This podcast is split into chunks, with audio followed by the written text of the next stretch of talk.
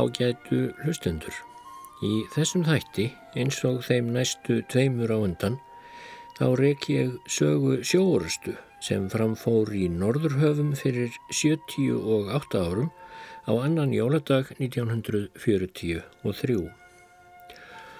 Orustan var endar ekki einu sinni hafinn þegar þætti nummer 2 lauk fyrir viku en þar var komið sögunni að breska orustu skipið Duke of York var komið í mjög óvænta heimsókn á sovjasku flotahöfnina Venga á Kólaskaga þar sem Arseni Golovko, flotafóringi Rauðaflottans á svæðinu, furðaði sig mjög á komi skipsins.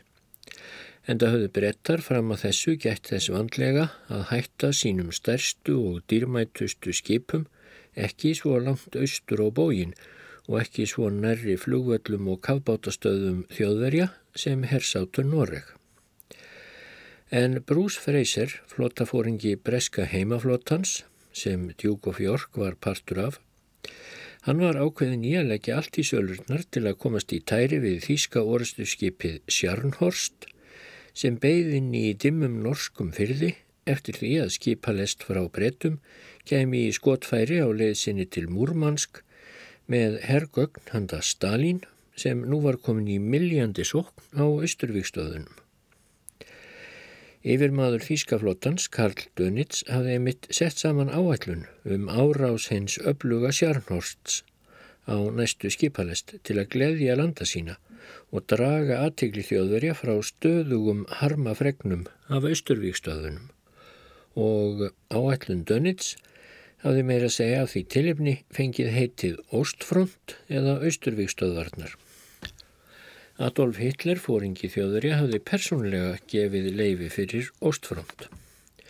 Þetta grunaði Bruce Fraser allt saman og hann óskaði reyndar heitt eftir því að Sjarnhorst kæmi úr fylgsni sínu í Altafyrði, þar í norður Noregi, því hann hafði fulla trú á að ef hann kæmist í færi við Þýskavorastu skipið myndi hann bera sigur úr bítum.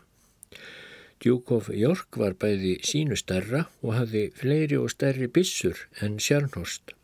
Breska skipið hafði tíu fallbissur með hlaupvít upp á 36 cm og gatt þeitt 80 tonna sprengikúlum hátt í 40 km vegalengt við góð skilirði.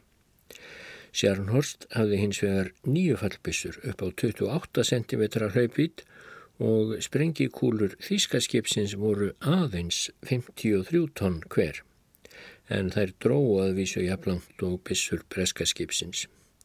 Duke of York hafði líka betri brínvörn en Sjarnhorst hafði það hins vegar fram yfir breska orustu skipið að vera tölvert hraðskreiðari. En sem sagt, Bruce Fraser var komin með Duke of York norður á Kólaskaga og Arseni Golovko skrifaði steinhissa í dagbók sína. Hver er hugmyndin með þessu? Ætlar Freyser virkilega að rannsaka persónulega aðstæður skipalestana á Norður Allandshafi? Það er allt upp í loft á bresku flótaskrifstofunni hérna vegna heimsóknarinnar.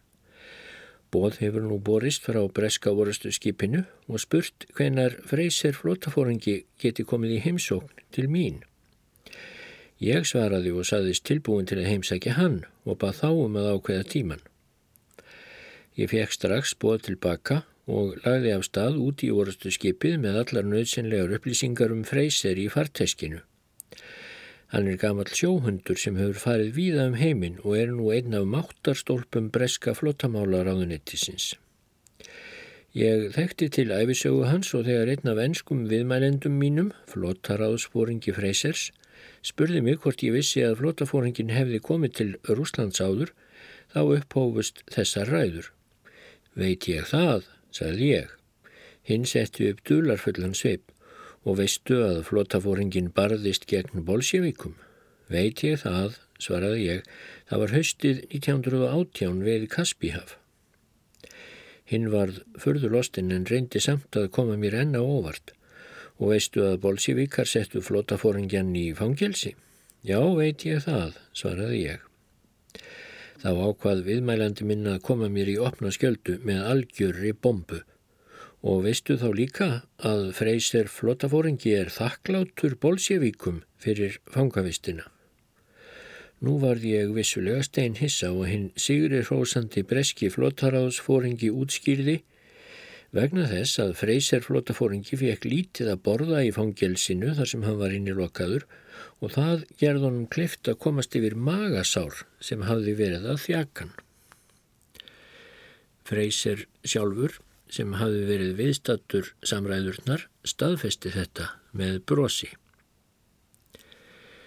Ekki verður betur séð af þessari frásögn Gólofkós en að þessar samræður hafi farið fram á rúsnesku. Hafi svo verið þá er langlíklegast að flottaráðsfóringin í enskri hlýingu Chief of Staff sem Gólofkó talar um hafi í raun verið Edvard Thomas en hann hefur komið við sögu í ferri þáttum og var hagvanur á Íslandi ekki síst á Akureyri. Thomas talaði rúsnesku og vafasamt verður að telja að margir aðstu yfir menn í flottaráði Freyser sem borði í Djúk og Fjörg hafi verið svo mælandi. En Freyser síndi nú Gólofgó skipið sitt hátt og látt og Gólofgó sagði að það hefði vissulega verið áhrifarík skoðunarferð. Enda áttu sovjetmenn ekkert skip sem jafnaðist á við Djúk og Fjörg. Í bakaríi skipsins fenguðir nýbakaðar bröðbollur sem Gólofko var svo hrifin af að þegar hann kvatti við skipslið þá let Freyser fær honum fullan poka af gómsætum bollum. Dæin eftir sátu Freyser og menn hans svo kvöldvarðarbóð hjá Gólofko.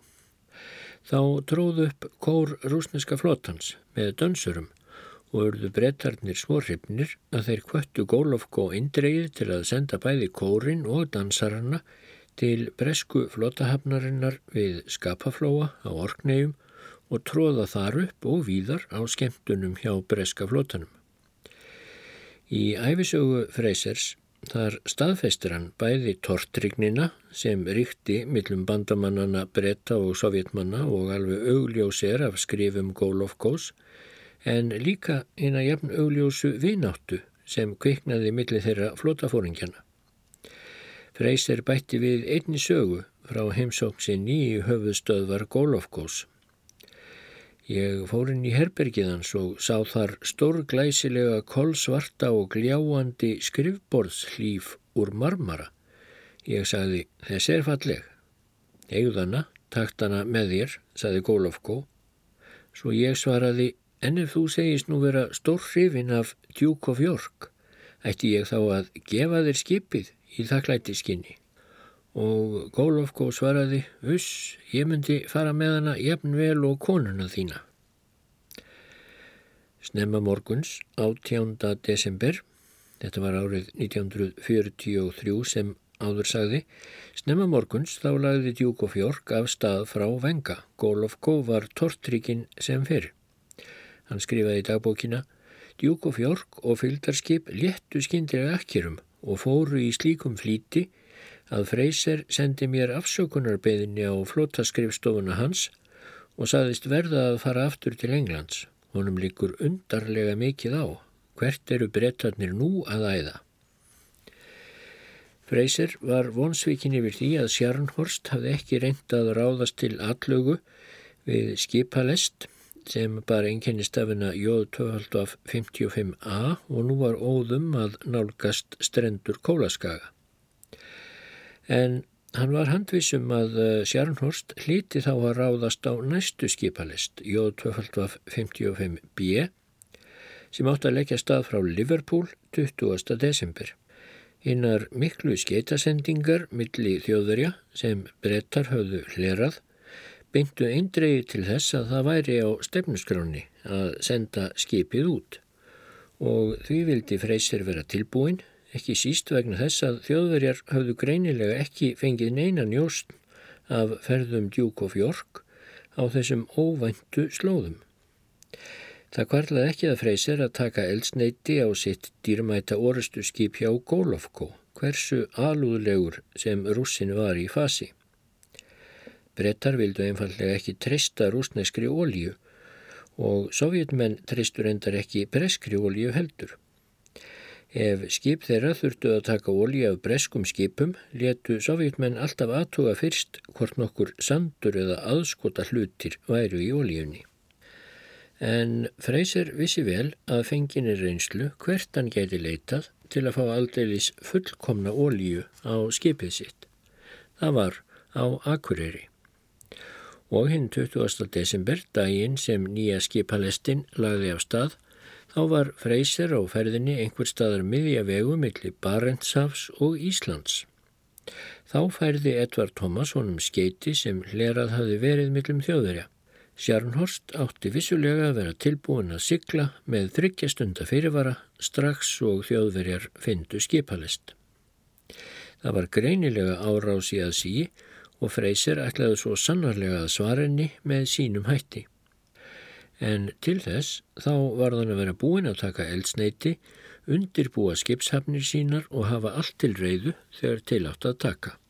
Hann mátti engan tíma missa og það var þess vegna sem hann síldi á svo mikill ferð inn Eyjafjörð um hádegið 21. desember og ég lísti í fyrsta þættinum af þessum þremur og þjóðverjar ætluðu vissulega að gera árás. Dönitz var nú búin að fá endanlegt leifi Hitlers fyrir því og í alltafyrði byðu Sjarnhorst og fimm öflugir þýskir tundurspillar eftir að vera skipað að leggja af stað út í myrkrið. Flótafóringin Erik Bey var æðsti fóringi í alltafyrði og hann myndi því stjórna árásinni. Bey var 45 ára gammal hamborgari og hafði alið mestallan aldur sinn á tundurspillum. Hann hafði æfinlega staðið sig þokkalega og klífið metorðastegan örugum skrefum. En það var hann nazisti og nazistar kunnu líka vel við hann. En það var beig maður sem fylgdi fóringja sínum, kannski hvaða fóringja sem var.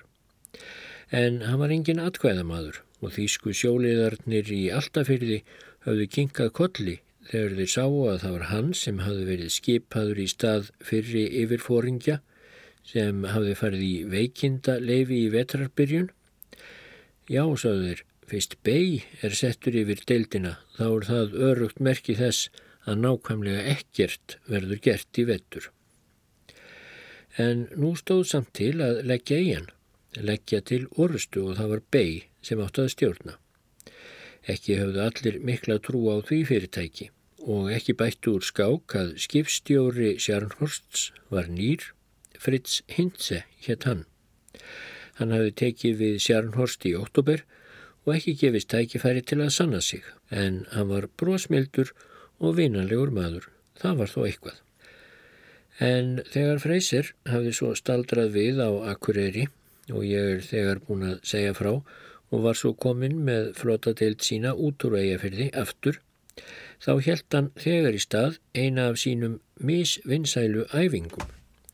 Æfingin gekk út á að kenna ratsjármönnum hans að þekkja endurkastið frá Sjarnhorst þegar þar að kemi og var beitiskipið Jamaica sett í hlutverk Þíska orðstuskipsins.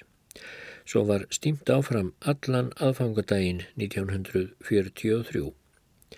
Þjóðverjar voru þá búinir að finna skipalistina Jóð 255B og fylgdust grant með ferðum lestarinnar norður með Noregi en í lestinni voru 19 flutningaskip.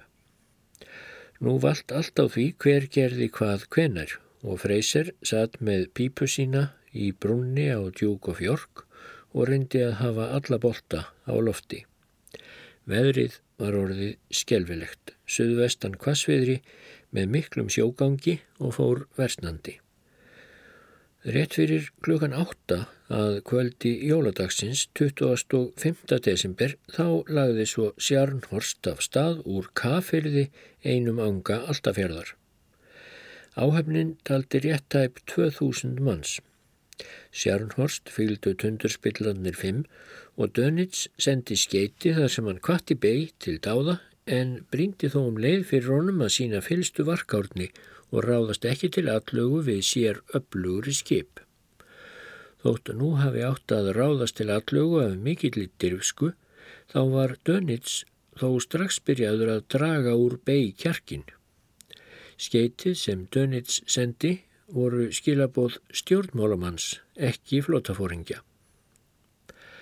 Alla nóttina börðust fjórar flótadeildir gegnum fjallháaröldur og kulda. Skipalestin var á sinni leið með öfluga fylgdardeild og var um morgunin 27. desember komin í námunda við Bjarnarei sem er nokkurnu einn milli Norður Norregs og Svalbardha. Nálagt skipalestinni var börnett flótafóringi með þrjú beitiskip og Freysir með sína orustu deild var ennþá langt undan, tölvert lengra en hann hefði viljað. Hann hefur áraðanlega verið farin að sjá eftir því um þetta leiti að hafa þvælst norður til venga þótt hann hefði haft skrippborðs hlýf upp úr krafsinu. En Freysir síndi nú ennu aftur að hann var djarfari og óheðbundnari en fyrirrennari hans nokkun tíma. Hann hikaði ekki við að rjúfa nokkrum sinnum fjarskipta þögn sem annars átt að vera algjör meðan aðgerðir eins og þessi stóðu yfir. Það gerði Freysir til að geta betur stilt upp mönnum sínum á því skákborði sem Barentshafið var nú að verða. Þetta hefði getað endað með ósköpum og þjóðverjar komi staði að reiknað út hvað var á seiði og að orustu skip var í grend. En Freysir komst upp með þetta og þessi dyrfska hans átti sinn þátt í að hann sigraði að lokum en í fjórðahópnum voru svo Sjarnhorst og tundurspillarnir fimm á norðurleið og stemdu óðfluga í áttað skipalestinni. Áallun Óstfront var einföld. Bey hafði í rauninni bara þann eina kost að ráðast heiklaust til allögu með Sjarnhorst, gera eins mikinn óskunda af sér og honum væri frekast und og halda svo brott. En Í óveðrinu um morgunin að annan jóladag þá slitnaði samband Sjarnhorsts við tundurspilla sína en það var þetta valla veður fyrir smæri skip. Þýsku tundurspillanir þóttu yfirleitt framþungir og heldur léleg sjóskip. Þeir þvældust svo um í reyðileysi, mestan hluta annars jóladags og koma ekki frekar við þessa sögu. Nokkur síðar, eða um hálfu nýju, þá varð beitiskipadeild Burnetts hins vegar vör við Sjarnhorst. Orustu skipið var þá komið hættulega nærri skipalestinni, svo beitiskipin Bresku réðust uh, þegar til allögu öll þrjú. Bey hafði ekki áhuga á að lenda í slag við Bresk beitiskip, það voru flutningaskipin í skipalestinni sem honum var ætlað að sökva og eftir að hafa skipst á nokkrum skotum við bretta þá snýran undan. Eitt skot frá bresku beitiskipi hafði þá hins vegar farið í gegnum ratsjárkerfi hans sem var vissulega frumstæðara en það breska en samt ágætt til síns brúks. Nú gatt Sjarnhorst hins vegar ekki notað ratsjána til að miða bissum sínum og allir það að sjálfsögðu miklum vanda.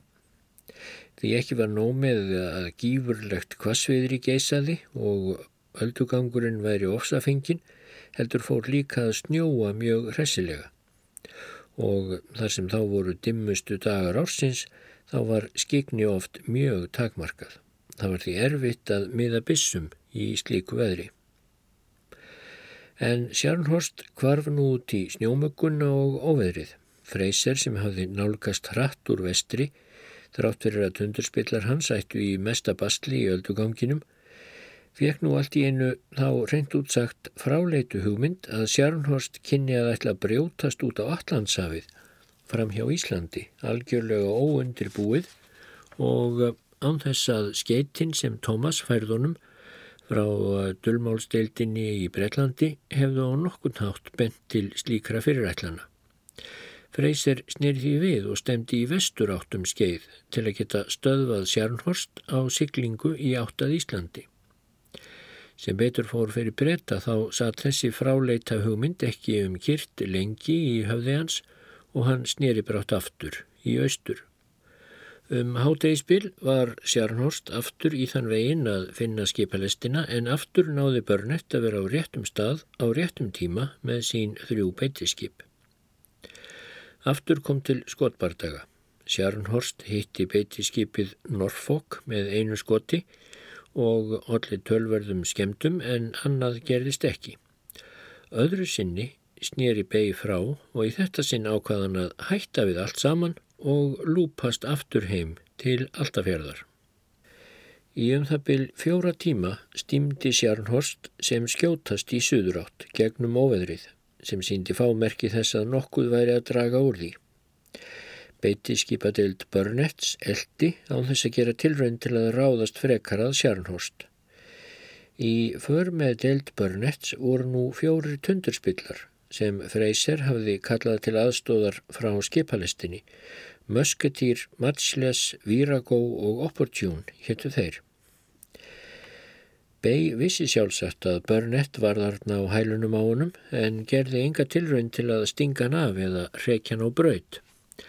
Hann vissi að honum stafaði ekki mikil hætta af Burnett við þessar aðstæður. Hann gæti alltaf stungið á af brettana en þetta sýnir líka hver gjörsamlega grunlaus beig var um að nokkur frekari hætta væri á ferðum. Af deild Burnetts er það annars að segja að tvö beiti skipa hans, Norfolk og Sheffield, heldust brátt úr lestinni vegna bilana. Eitt skip hjælt hins vegar áfram ferðinni á samt tundurspillunum fjórum frá skipalestinni Belfast. Það skip sem nú likur við stjóra í Temsá og margir Íslendingar hafa skoðað gegnum tíðina. En menn fóru nú að slappa af um borði í Sjarnhorst, stóru bissutnar sigu í sínar upphafstöður til merkisum að þær eru ekki notaðar meira í þessari ferð. Kanski hefur Bey farið að setja saman í huganum þá ræðu sem hann þurfti að flytja fyrir Dönitz um af hverju hann hefði snúið frá á örlaga stundu. En úti í hafinu nálgæðist Djúk og Fjörg. Klukkan 17 mínútur yfir fjögur síðdeis þá byrtist merki á henni fullkomnu ratsjá Djúk og Fjörg. Það var Sjarnhorst. Þíska skipið mæltist vera í 41,5 km fjarlagð. Sú ratsjárnefna sem Sjarnhorst bjó enþá yfir var engan veginn færum að finna djúk og fjörg úr þeirri fjarlagð og þeirri stefnu sem umrætti. Þjóðverjarnir örðu því einski svarir. Klukkan 16.22 var fjarlagðin frá djúk og fjörg til Sjarnhorst 27 km, skipin nálguðus nú hvort annað hratt. Klukkan 16.26 var fjarlagðin 12,8 km. Mikil spenna ríkti í brúnni á djúk og fjörg. Bissurnar byður hlaðunar og tilbúnar eftir merki frá Freysir. Hvenar er þið hafist handa? Freysir vildi býða þar til í lengstu lög. Því hann vissi að strax og Sjarnhorst er því varfiðan þá myndi þýskaskipið flýja á miklu meiri ferð en djúk og fjörg næði. Hvað þá í þessu óveðri. En allt var að verða til reyðu Freysir skipaði tundurspillunum fjórum sem höfðu fylgdónum frá Akureyri að taka sér stöðu fyrir framannan og vera tilbúinir að gera tundurskeita árás en gera þó ekkert fyrir en þeir fengju sérstakka skipun þar um. 1646 var Belfast skipað að lýsa upp Sjarnhorst með skoteldi. Það tókst ekki sem skildi Svo örfáum mínútum síðar skaut djúk og fjörg flugeldi upp og Sjarnhorst blasti við í allri sinni dýrð. Og fimm mínútum síðar, 1651, tóku bissur djúk og fjörg til starfa. Fremsti fallbissuturnin á Sjarnhorst, A-turnin, varð strax óbrúklegur vegna sprengjubróta. Skipverjar á Sjarnhorst lístu því síðar að þessi árás hefði komið mönnum algjörlega í opna skjöldu. Engin var tilbúin og ekkert gerðist í nokkrar mínútur. Meðan þær mínútur liðu og sérstaklega klukkan 16.55 voru tundurspillar Djúk og Fjörg í mjög ákjósanlegri stöðu til að skjóta tundurskeitum sínum að Sjarnhorst. Þeir voru svo nálagt og færið svo beint að það var næstum því útilokað að þeir hefðu mist margs en þeir byðu átekta að því Freyser hafði sérstaklega tekið fram að þeir ætti ekki að skjóta tundurskeitum sínum fyrir en þeim væri skipaða sérstaklega. Og nú var svo mikið að gera við að skipilegja fallbissu skotríðina í brunni á djúk og fjörg að Freysir glemdi því hreinlega að gefa tundurspillunum skipunum að skjóta eftir eigin domgrind. Ef tundurspillanir, og þá sérstaklega eitera sem Savage hétt og var í fullkomlu færi, hefðu hitt Sjarnhorst með tundurskeiti þá, þá hefði bardaginn kannski orðið ansi miklu stittri en raun var þá.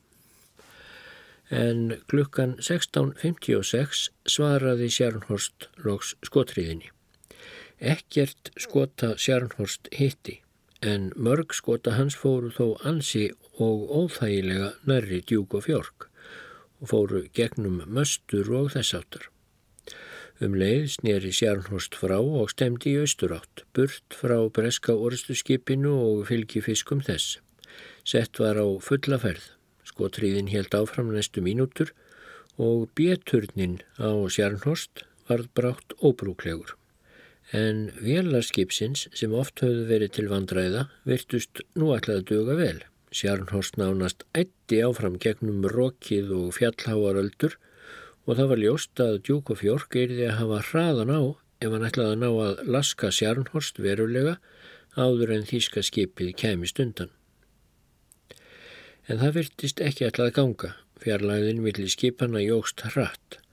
Frá og með klukkan 17.17 17 urðu skiptur Djúk og Fjörg að treysta á ratsjána eina þegar þeir miðuðu bissum sínum. Ekki sást lengur á milli skipana en það var dagspyrtan óðum að kveðja.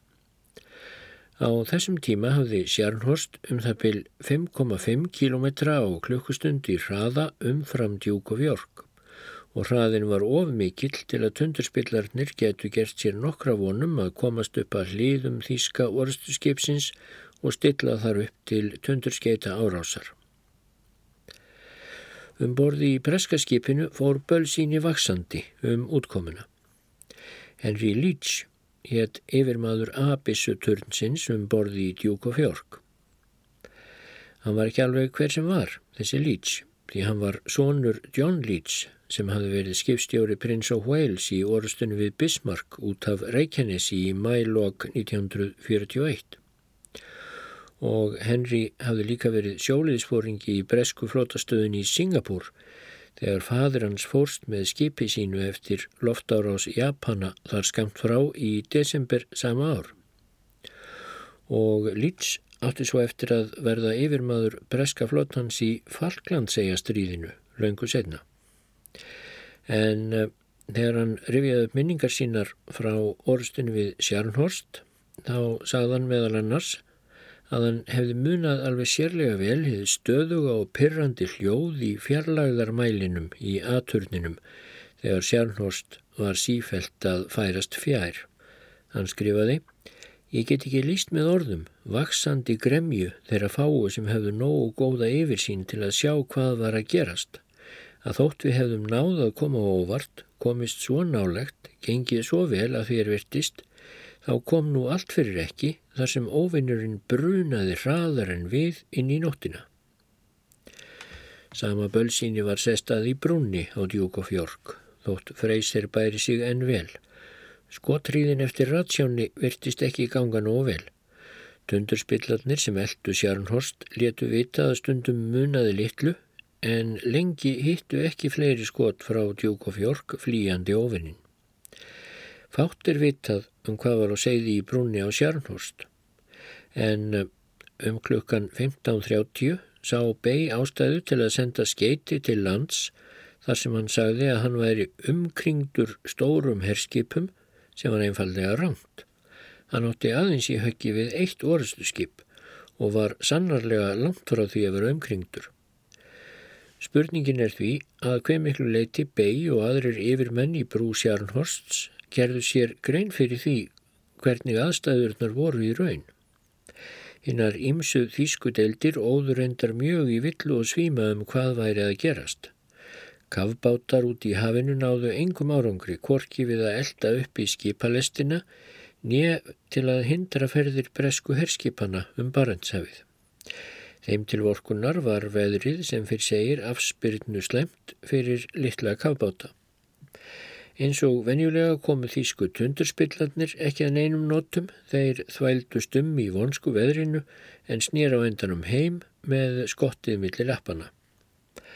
Flótastjórnin sem stýrði aðgerðum bað oftar en einu sinnu um aðstóð frá flughernum Luftwaffe en fekk það svar að veðrið væri enn of vond til að velar flughersins getu farið á loft. Þannig leið meira en klukkustund. Velar allra skipana voru þandar til hins ítrasta. Vélstjórar þeirra allra móttu vera reiknir á framistöðunni. En það þýtti líka að Sjarnhorst færiðist sífelt fjær.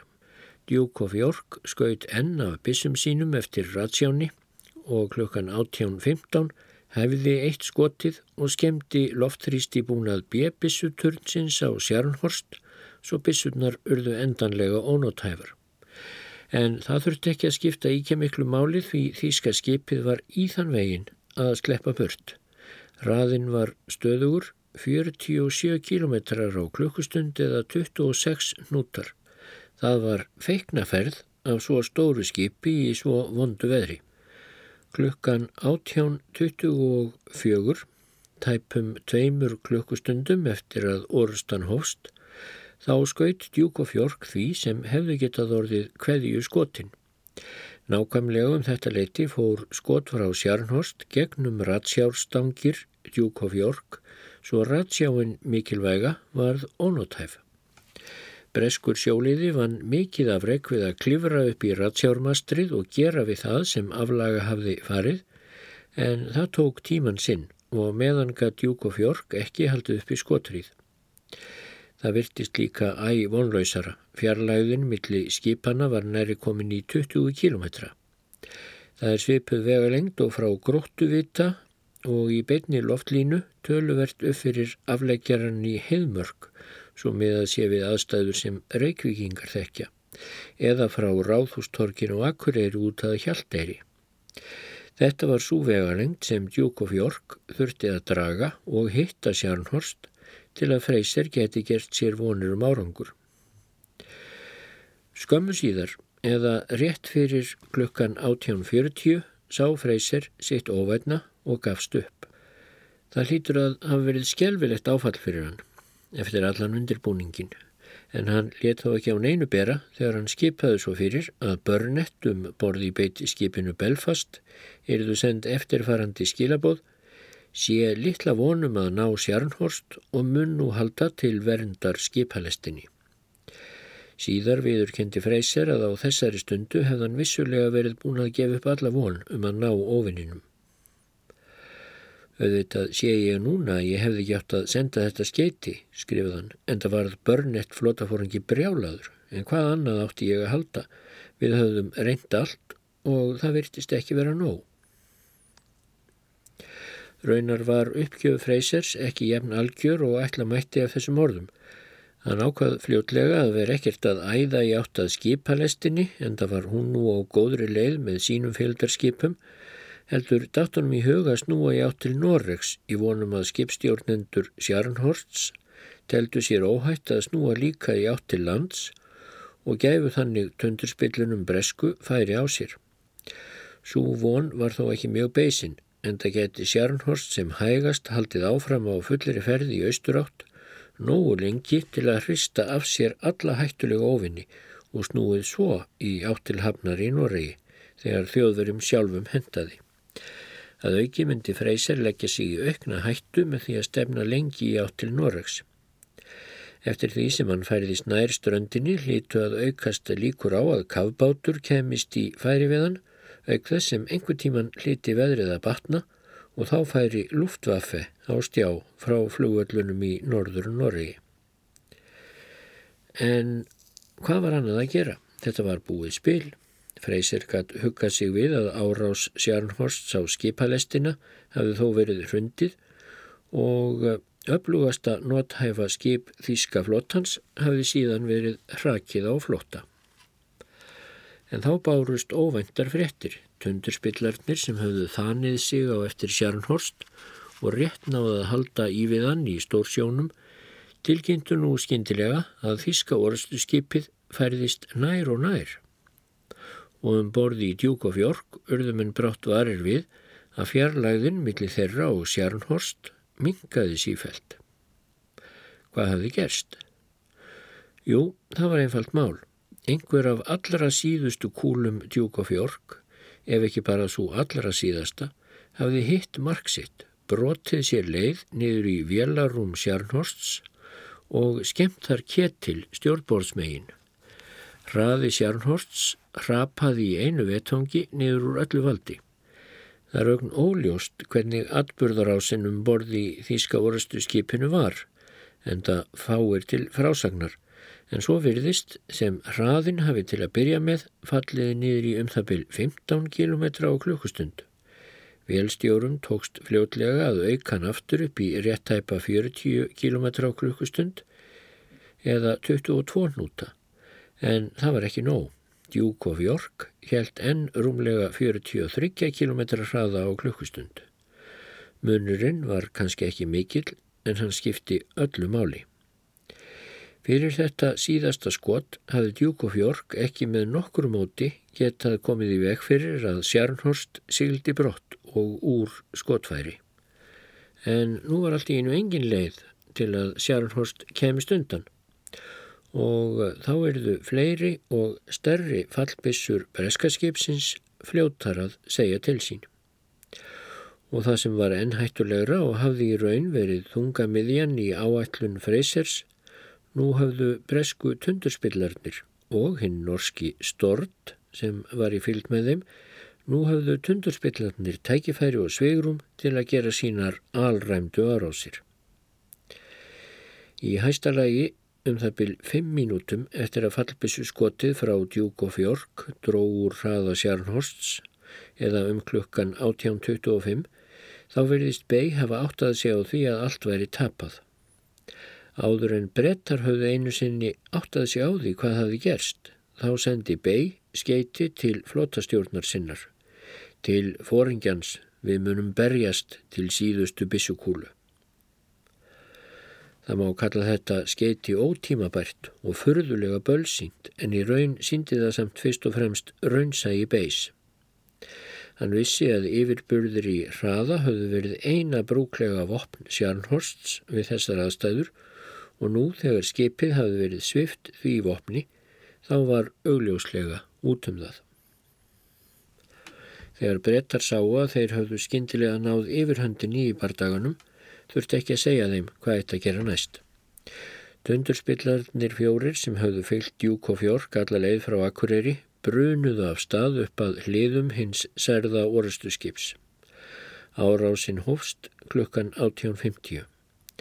Dundurspillarnir Savage og Sámares letu öllum ílum látum við aðra hlið Sjarnhorsts, skutu þar af öllum sínum bissum og heldu þá glæsilegustu flugeldasíningu sem þeir gáttu til að draga aðtegli þjóðverjana að sér. Á meðan laumuðust sísturskip þeirra, Skorpjón og hinn norski Stort upp að hinni hliðinni og skutu tundurskeitum sínum. Síðan skiptu tundurspillarnir um hlutverk og það var komið að Stort og Skorpjón að halda flugeldasíningu meðan Savage og Sámares skutu sínum tundurskeitum.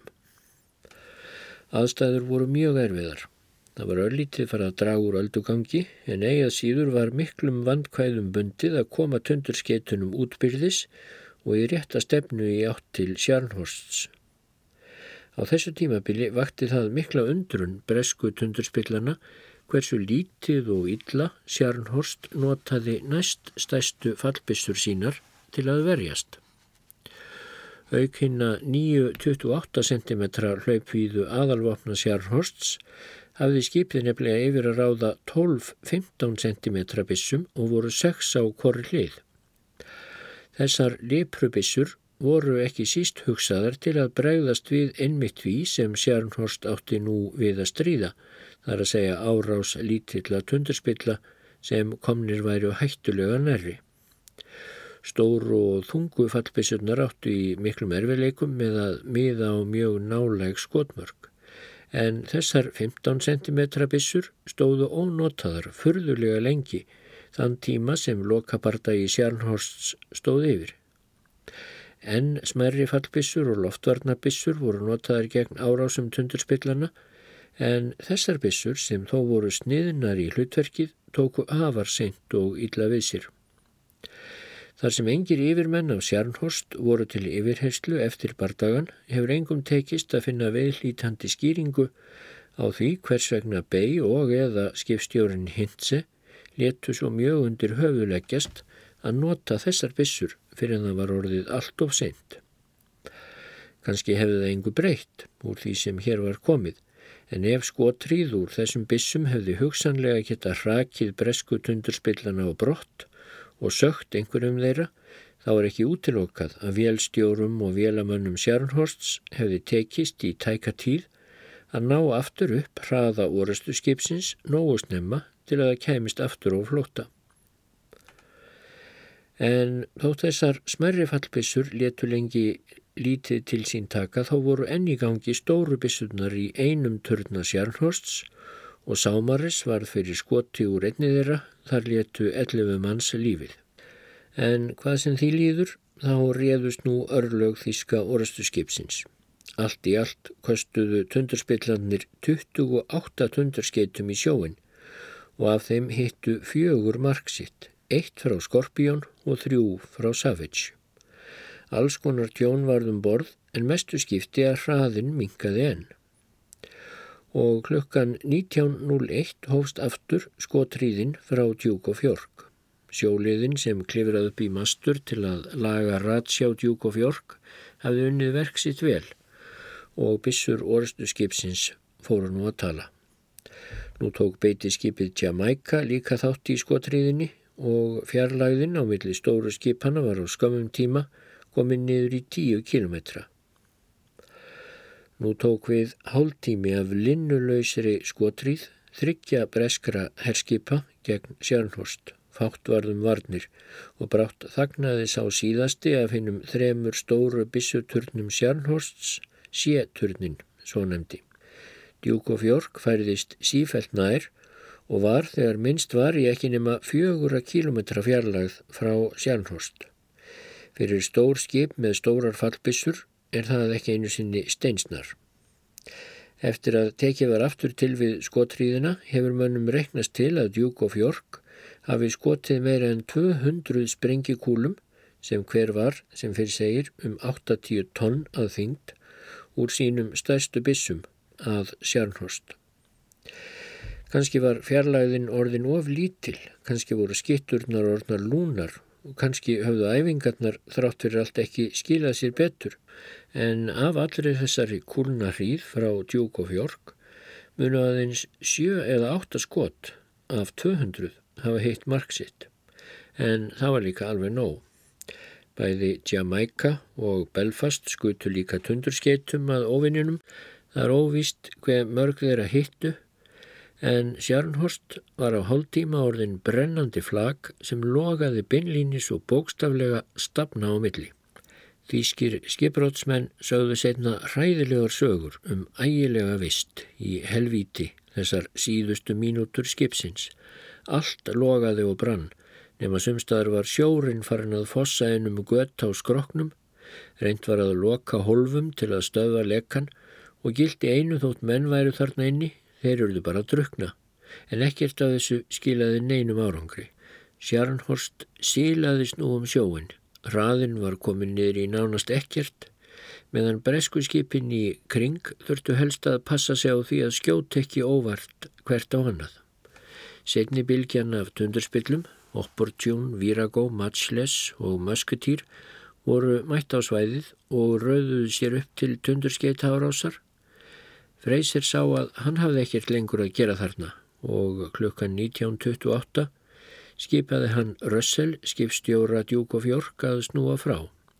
Það var ekki verðt að taka þá áhættu að verða fyrir bíluðu tundurskeiti eins og hafði orðið fjörtjón eins eh, breska beitiskipsins í norðurhöfum nokkru áður.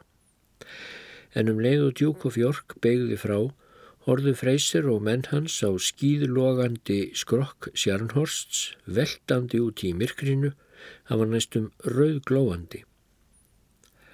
Edvard Thomas let þess oft getið síðar á efinni að þetta hefði verið í senn einhver mikilfenglegasta og um leið hræðilegasta sjón sem hann hefði augum litið þegar logandi varnarlaus Sjarnhorst fjarlæðist inn í nóttina.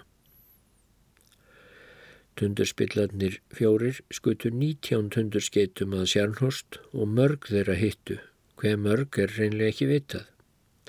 Sjarnhorst var lamaður af sprengingum og eldi og skipverjar voru hættir að taka eftir því þegar er urðu fyrir nýju tundurskeiti eða fallbissukúlu. Fram að þessu hafði samt verið unnið sleitu löst í vélarúmi að því að reyna að koma upp hraða vélanna en nú var öllu lokið. Klukkan 18.30 skipaði Hintse skipstjóri svo fyrir að skipið skildi yfirgefið. Einn af skiprótsmannunum heyrði hann tilkynna í hátalarakerfið Ég teki höndi ykkar allra í síðasta sinn. Annar hvaðst hafa séð Hintse allt fram til endalokana hjálpa óbreyttum sjómönnum í björgunarbelti og þeir beig flótafóringi hefðu tekist í hendur og annar þeirra hefði sagt mönnunum sem nálægir voru ef einhver sleppur lífandi frá þessu þá skilji hann kveðju til fólksins heima og segi því að allir hafi gert skildu sína fram á síðustu stundu. Sjarnhorst var nú fann að lækka mjög í sjónum. Skipið var bersýnilega að sökva, eldarnir voru meira sefarnir að minka því þeir átt ekki margt eftir til að eigða um borð. Einn af skiprótsmönnunum, Gunder Stretter, bissuliði, saði setna svo frá. Um klukka 19.30 kom skipun úr brunni um að yfirgefa skipið. Fleiri öflugar sprengingar hyrðust, skipið hallaðist sífælt meira og hraðar á stjórnborða. Þegar að endalókunum kom var aðeins 20 cm loftvarnabissa bakbórsmegin á frammastrinu enn í gangi fyrir utan 15 cm byssuturnin sem ég var í. Við vorum ekki í neinum vandræðum fyrir en hallin allir því að kúlutnar festust í byssulhaupunum. Mennirnir í skotfærageimslunni undir byssuturninum komust ekki upp á dekk nýja nokkrir aðrir í hólfunum langt niður í skipinu. Þegar ég yfirgaf turnin voru allir á efradekki döðir eða særðir. Þeir tveir sem stjórnuðu í vissuturninum, Vippelhof og Móritz, neituðu að yfirgefa stöðar sínar. Ég verð kyrr hér, þetta er minn staður, sagði Vippelhof. Móritz saðist myndu verða um kyrrt í turninum. Vippelhof krafðist þess að við hinnir færum á brott. Í hverjuskinni kallaði hann til okkar lengi lifi Þískaland, lifi der fýrar. Við svöruðum með sömu orðum. Svo kveikt hann sér í síkarettu og settist rólegur niður við bissumiðið. Hann og Móritz fóru niður með skipinu þegar því kvóldi. Og annar skipferi, Rolf Tsangar, hafði verið á samt fleiri mönnum að reyna að tjónka við eld og skemmtir á milliþiljum.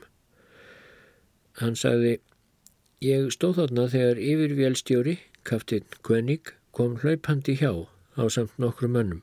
Þeir voru á leiðinni út að stjórnborðsliðinni til að gæta því hvort eitthvað væri hægt að gera til að bjarga skipinu. Ég hef líklega verið sá síðasti sem sá hann á lífi. Ég man enn þegar skipunin kom um að yfirgefa skipið. Rétt hjá okkur var opinn hleri niður í skipið. Maður stakku upp höfðinu. Einhver rópaði til hans, í Guðsbænum kontu, við erum að fara að yfirgefa skipið. En hann hristi bara höfuðið.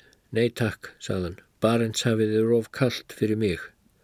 Svo skellt hann aftur hleranum og kvarf niður í skipið.